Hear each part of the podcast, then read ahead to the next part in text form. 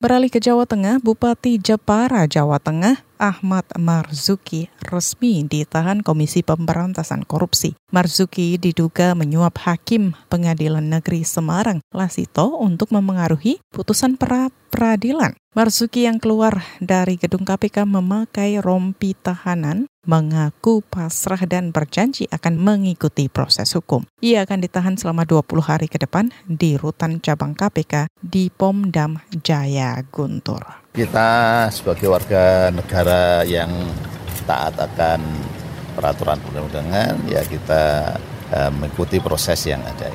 Oleh karena itu, doakan sajalah Eh, semoga kami eh, menerima dengan tabah dan sabar, apalagi saya, Wong Nabi Yusuf aja dihukum. ya, terima kasih. Sebelumnya Ahmad Marzuki telah diperiksa sebagai tersangka sebanyak lima kali. Marzuki diduga memberi suap Hakim PN Semarang Lasito 700 juta rupiah. Suap ini untuk mengabulkan gugatan pra peradilan. Marzuki terkait penetapannya sebagai tersangka korupsi dana bantuan parpol Kabupaten Jepara.